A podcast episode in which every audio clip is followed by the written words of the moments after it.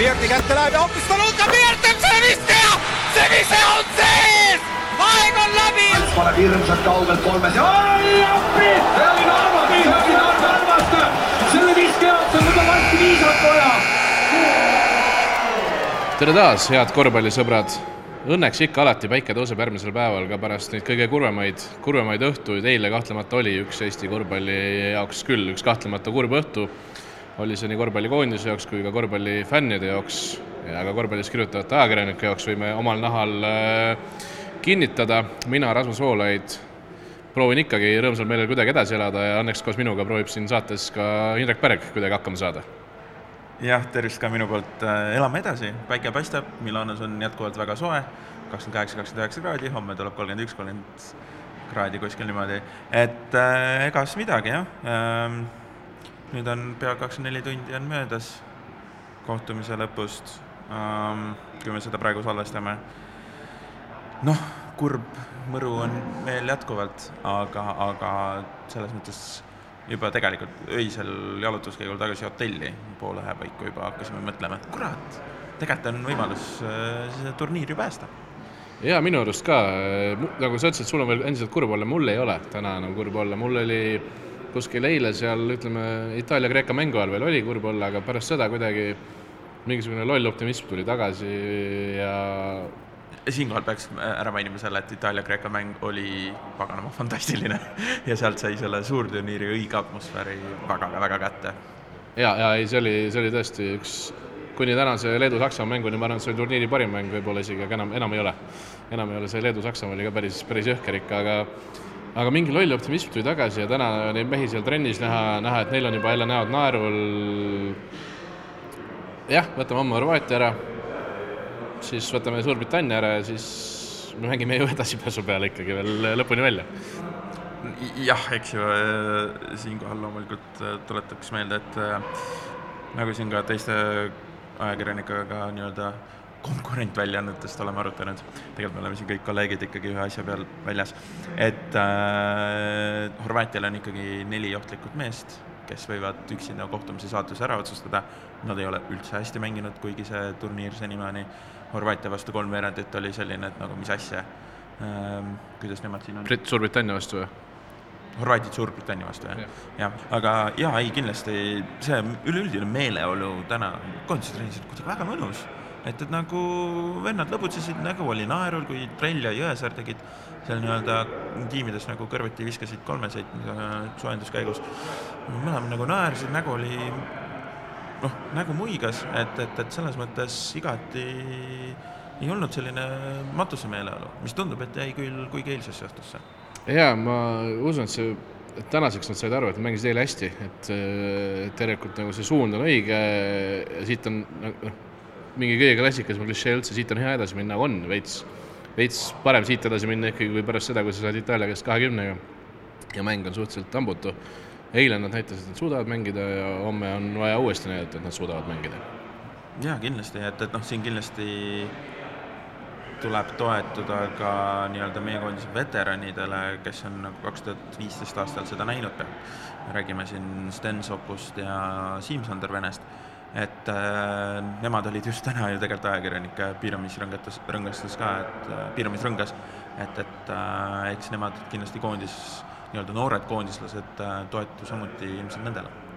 ja see oli huvitav küll, et äh, kõik kolm väljaannet täiesti üksteisest sõltumatult tundub, et olid võtnud sellesama fookuse, et mehed, kes eile, üks mängis kuus minutit ainult esimesel poolel, teine, kes neljandal veerandil kordagi väljakule tulnud, nemad olid need põhimehed, keda, keda taheti nagu küsitleda pärast seda ühte rasket kaotust, samas ka väga loogiline. teisalt väga loogiline, et et sellistel hetkedel on nende, nende roll just äh, kõige suurem. jaa, kindlasti, et, et noh, see selline, nii-öelda selline, ma olen öelnud küll varem äh, omavahelistes vestlustes ka, et noh, selline Siim Sander on selline kindral väljakul kui ka pingil, keda kõik kuulavad. ma arvan, et tema see kogemus eelnev ja, ja selline noh, jah, ongi kogemus, mängija kogemus, tal on nii suur pagas. Ta on äh, näinud kõike et äh, temalt kindlasti selles mõttes ta ei ole halb liider nendele noortele meestele, tuletan meelde, et Eesti koondis on keskmise vanuse järgi üks kõige noorem meeskond ja eriti kui arvestame seda, et kes on meie koondise põhitegijad, siis on ilmselt algrivistus on, eilse mängu algrivistus on ilmselt äh, kogu EM-i kõige noorem. jaa, sellepärast et ütleme, need mehed, kes keskmist juba üles viivad, ehk kes on seal kolmekümne ümber või kolmkümmend pluss, on ju mehed, kes tegelikult mängivad kõige vähem põhimõtteliselt, välja arvatud Siim-Sander Vene, Timmu mängis eile kuus minutit, on kolmkümmend kolm, Torb-, Torbek ja Kitsing mängis eile suuri minuteid, tema ma jätaks isegi, no loeks põhimeheks, aga Torbek on ka üle kolmekümne vist, kui ma ei eksi. Nurger kakskümmend üheksa, kes ei mänginud eile üldse, et need mehed, kes nagu keskmist üles viivad teistega võrreldes, on ju väga, on, on nagu väiksemas rollis. et see on päris kõnekas jah, ja nagu samas tegelikult üks asi ka, mis me peame meeles hoidma, et jah, kuigi me siin räägime pigem väga optimistlikes optimistlikes äh, toonides äh,. parandan, Nurger saab kahe kuu pärast kakskümmend üheksa, et ta saab novembris kakskümmend üheksa, praegu on kakskümmend kaheksa veel. no siia-sinna, minust ikka vanem siis ähm, et, et noh, tegelikult jah, kuigi me kõlame siin optimistlikuna, siis olgem ausad Äh, võib-olla mõnes mõttes see on äkki naiivsus, mõnes mõttes see on selline nii-öelda wishful thinking, äh, midagi, kuidas seda eesti keelde kõik soovmõtlemine. jah, jah, täpselt, vot soovmõtlemine. et äh, kas midagi, ma arvan, et, et ähm, tihe mängugraafik läheb siit edasi, homme Horvaatia vastu, horvaadid on samas öelnud äh, niimoodi, vähemalt eile ütlesid, et ega nad Eestist väga palju midagi ei tea, Ivika Subac, kes on siis nende üks staaridest, äh, NBA tsentri alustav tsenter enamjaolt, ähm, tema ütles, et ta ei tea Eestis nagu mitte kui midagi, mis on loomulikult väga huvitav, aga loomulikult, eks ju, nüüd on üks äh, vaba päev neil ka aega õppida. selles mõttes arusaadav ilmselt, et äh, ei olekski ju natuke totter võib-olla kolmandat vastast nagu juba hakata tutvustama enne turniiri, et vot ma arvan, et Horvaatia on ka võtnud nagu mäng mängult et kõigepealt keskendutakse Kreekale, siis pärast seda Suurbritanniale ja siis, kui Suurbritannia on tehtud, siis hakatakse keskenduma Eestile, et no üks, üks vaba päev oli ju vahepeal. kas, kas mäng mängult on selle turniiri kõige ära leierdatum väljend üldse või? ma arvan küll ja, ja korvpall on ümmargune tuli ka mul täna Timmu intervjuus ära, tema, tema poolt no vot, no vot ja siis äh, Toial eile pressikonverentsil korvpallijumalad et siit saaks tegelikult, oh vot siin ongi meil tuleviku loo idee tegelikult ähm,, et panna, panna kokku äh, nii-öelda leksikon, et mis äh,, mis väljendid, mis fraasid on kõige rohkem kasutust leidnud äh,.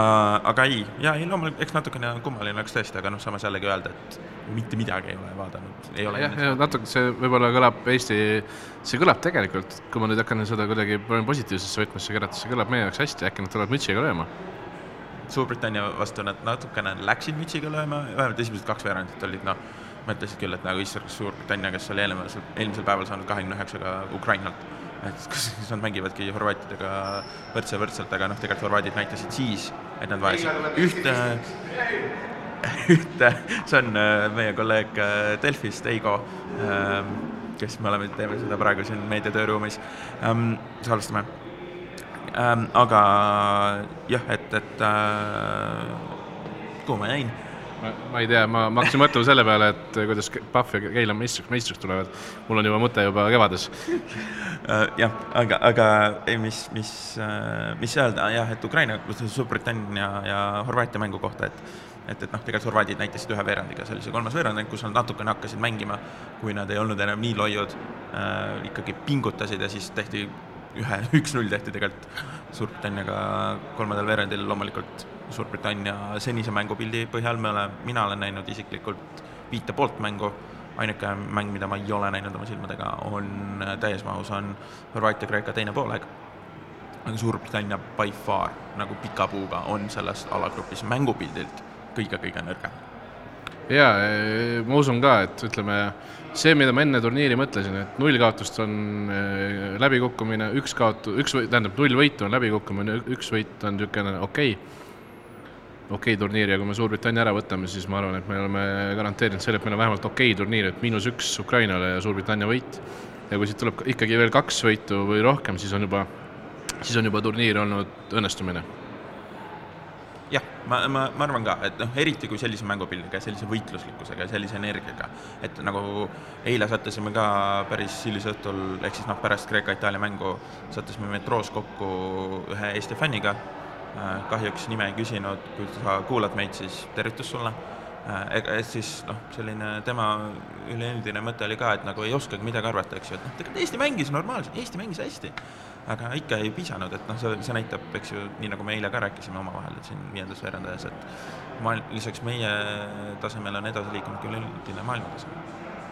jaa, kui eilse mängu, eilne mängu, mäng veel kuidagi kokku võtta, siis ma võtaksin Timmu sõnadega, et äh, kahju on sellise kusekaga pähe saada ja me olime parem meeskond väljakul, aga, aga noh, järelikult siis numbriliselt ikkagi oli Ukraina parem.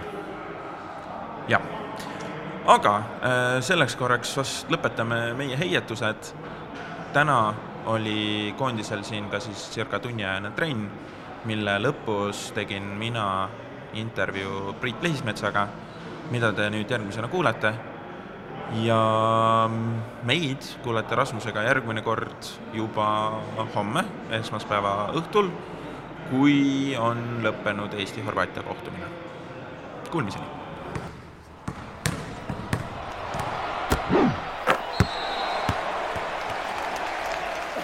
Eesti koondise füsioterapeut Priit Leismets, kuidas sina eile õhtul oma hingele palsamit määrisid? me ei, ei oskagi kuskilt alustada, päris õudne oli, aga seda palsamit ei leidnudki. Nii et milline kuidas, kuidas tunded praegu on ligemale kakskümmend tundi pärast lõpu üle? noh, nüüd on juba normaalne, need on üles kütnud ennast, et homme Horvaatiale tuleb täie pauguga peale minna aga no eile õhtul mul vist, ma ei tea, kaksteist aastat olen koondis olnud, no nii hullu mängu vist ei olegi olnud. kõige valusam kaotus? meeskonna poole pealt küll, ma arvan küll, jah. ma arvan isegi klubi vist äh, hooaegadel pole sellist, okei okay,, koondisklubi on nii, nii erinevad, aga eile see oli ikka katastroof, ma vist ei rääkinud. taas ma olen suhteliselt energiline, positiivne, aga eile ei tulnud ühtegi sõna kuidas bussisõit tagasi hotelli oli, mis te meeskonnaga arutasite veidi? ei, me läksime palju hiljem, me läksime treeneritega, läksime hiljem, mängijad läksid varem ära, aga ega meil seal bussis oli niisugune leinatunne nagu, mida, midagi nagu suurt oleks juhtunud. Kuidas nüüd ülejäänud kolmeks mänguks äh, üles nii-öelda haipida? no tuleb täis tuhhiga peale minna. ega mina, mina arvan endiselt, et me võtame kaks ära, ma ennem ütlesin ka, et me võtame kaks, kaks võitu ära, et, et kõigil on raske juba, ma arvan, et kui Kreeka läheb kindlalt edasi, siis äkki panevad juba põhivendad istuma ja äkki ma, see on lihtsalt oletus oletus ja lootus, et noh, ma arvan, ta läheb ikkagi homme täispaugu peale välja.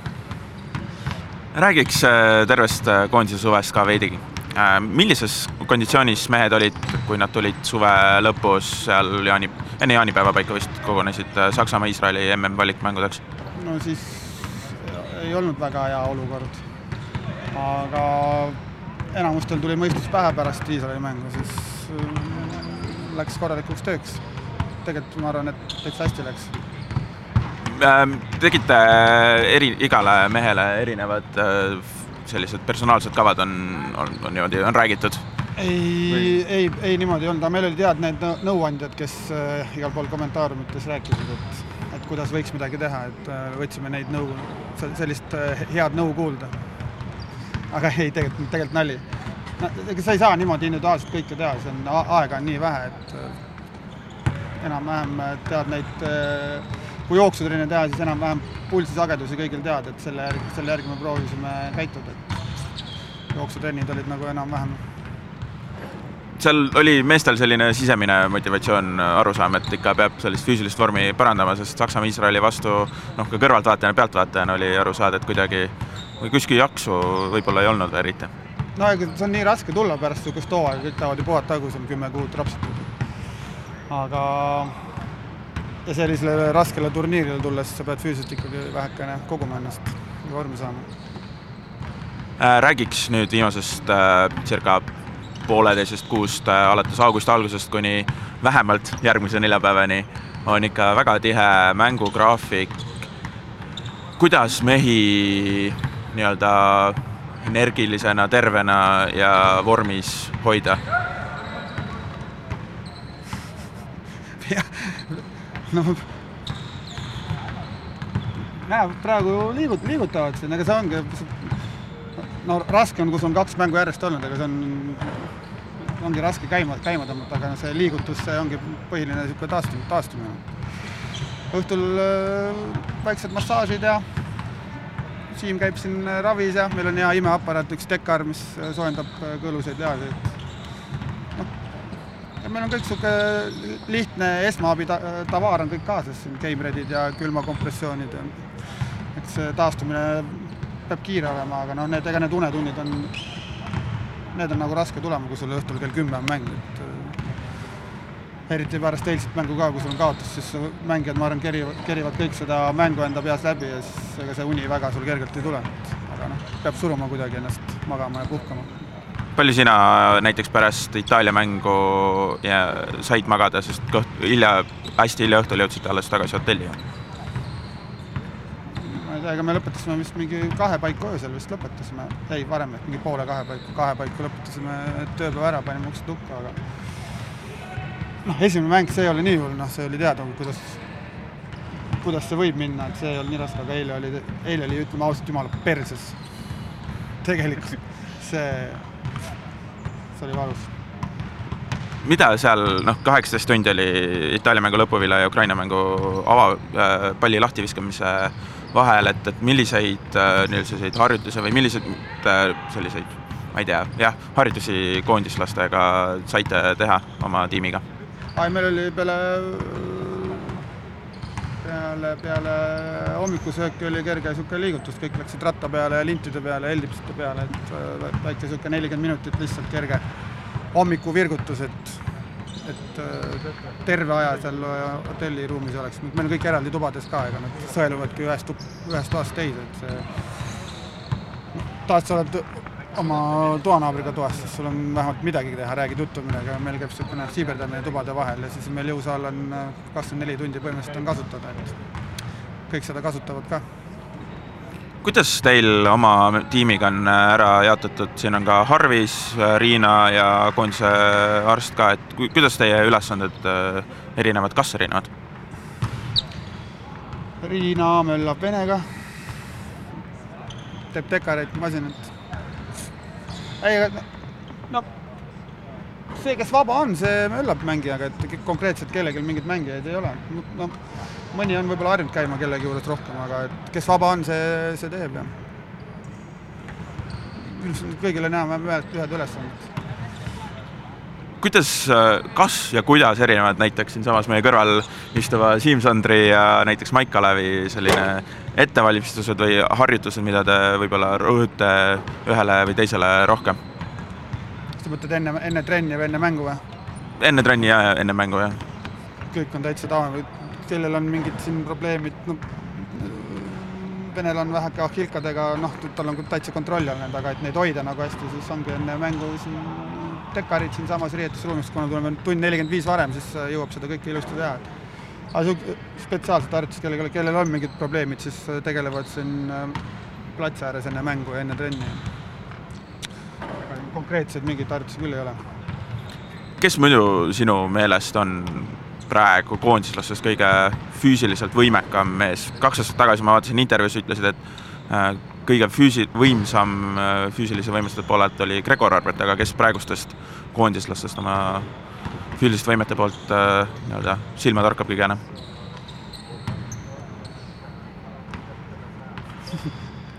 Martin Torbiku panen sisse kes kõige füüsilisem on? tagaliinist või? ei, kokku. füüsiliste võimete poolest?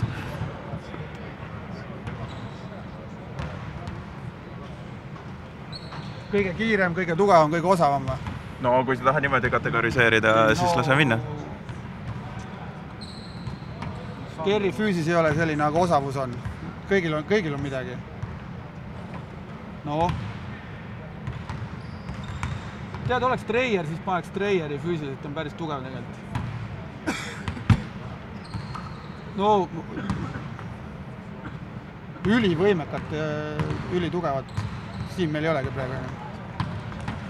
Ühtlane, meil on ühtlane sats, tegelikult on, ei ole ühte väga kiiret, ei ole ühte väga tugevat. no, no Maik on tugev tegelikult ah?. suur, tugev. no Kitsing on tugev tegelikult aga kiiret, väga kiiret venda meil ei ole. aga küsiks selline, sina kui maratonihunt ja siin triatleet ja kes, kes oleks neid, tema oleks kõige kiirem maratonirajal ähm,? Äh, Raieste, ai meil oli siin väike vaidlus ka, kes on, kes ongi kõige kiirem, kui panna nagu mingi lendlähtest mingi kolmkümmend meetrit äh, või sada meetrit, et siis äh, Raieste vist oma pika sammuga ja oleks, oleks vist jah, aga pikk, pikas maas ma arvan, Martin Torbek ja Timmu on ka päris hea. ei, Timmu jõuab, tal noh, ma olen temaga, kui ta meil klubis oli, siis me jooksime mingeid tuhandesid lõike, siis kestab päris hästi. mainisid Kasparit, äh, kuidas Kasparil taastumisprotsess läheb? väga hästi. ma olen natukene ajas, ajas isegi ees, et äh, meil doktor Taivo Väärsi igapäevaselt möllab mitu korda päevas ja meil on siin ravid, asjad on ka olemas, et ma arvan, nad on, nad on sellest taastusravist natukene ees, eespool, kui alg algselt olid sa oled olnud äh, kolme, kui ma ei eksi, pea, Eesti koondise peatreeneri käe all, füsioterapeut Gerde Sokk ja nüüd Jukka äh,. kuidas, mille poolest nad erinevad? no Gerd, Gerde, Gerdega ma olin äh, täitsa viimane tsükkel. no seda, ma teda niimoodi ei saagi nagu, ma ei tea, kas kirjeldada, aga ma nägin ainult ühe, ühe mängu, siis kui ma läksingi nagu, siis ma jäin, siis tuli Tiit, Tiit tuli peale, aga kui Tiitu ja Jukat võrrelda, siis täitsa erinevad. Tiit ei ole mängijatega suhtleja, rohkem äh, mitte kinnisem, aga noh, tema jätab selle mängijate suhtlemise nagu siis meie hoolde, aga Juka on täis niisugune rahvavend, et suhtleb kõigiga ja vabalt ja et äh, kui Tiiduga oli niimoodi, et oli treenerite laudkond, et noh, siis praegu on, siis me oleme staffi ja kõigega nagu täitsa pundis. no Tiiduga oli ka samamoodi, aga, aga Jukk on niisugune hästi vaba suhtleja, hästi, temaga on hästi lihtne ja Tiiduga oli ka lihtne, kui sa temaga hästi läbi saad, aga Jukka, Jukka on no, täit-, täitsa, täitsa erinevad. Jukka on niisugune muhe, muhe, muhe vend. viskab nalja ka? oi, kõvasti. tema saab hästi vabalt rääkida, nii nagu, et põhimõtteliselt võtakski teda nagu, et ta ei ole nagu niisugune peatreener, keda karta, aga Tiiduga oli niimoodi, et äh, vali sõnum, mida, mida räägid alg-, alguses, pärast, kui sa oled pikemalt juba, siis, siis harjud ära, aga jah, Tiiduga peab kontrollima võib-olla, mida sa, mida sa ütled, Jukaga ei pea sellist asja tegema. nüüd on jäänud turniiri lõpuni, alagrupi turniiri lõpuni, rõhutame veel, äh, viis päeva, mida sina pead, millal sina pead kõige rohkem veel silma peal hoidma, et mehed oleks terved heas vormis kõik, peaksid astuma? aga see ongi täpselt see, et eile oli mäng ja meil oli valik, et kas me teeme üldse trenni või ei tee trenni, aga noh, see kõige parem taastumine, taastumine pärast raskeid mänge ongi see kerge, kerge liigutamine, et sa paned lihased uuesti tööle, et eh, vigastusi nagu vältida no.. ma tean, see on mängijatele hirm, hirmus piin, et noh, tegelikult tahaks rahulikult hotellitoas olla või spaas käia, aga noh, tegelikult professionaalse mõttega mõelda, siis, siis peab liigutama. no ega me niimoodi hoiamegi terve, et õhtul väiksed massaažid, väiksed ravid ja väike liigutus ja homme paneme pauguga peale. Saame, me saame, veel on võimalus, et nurgast Torbek ja! kuulake Õhtulehe korvpalli podcasti Viies veerandaeg SoundCloudis, Spotify's või iTunesis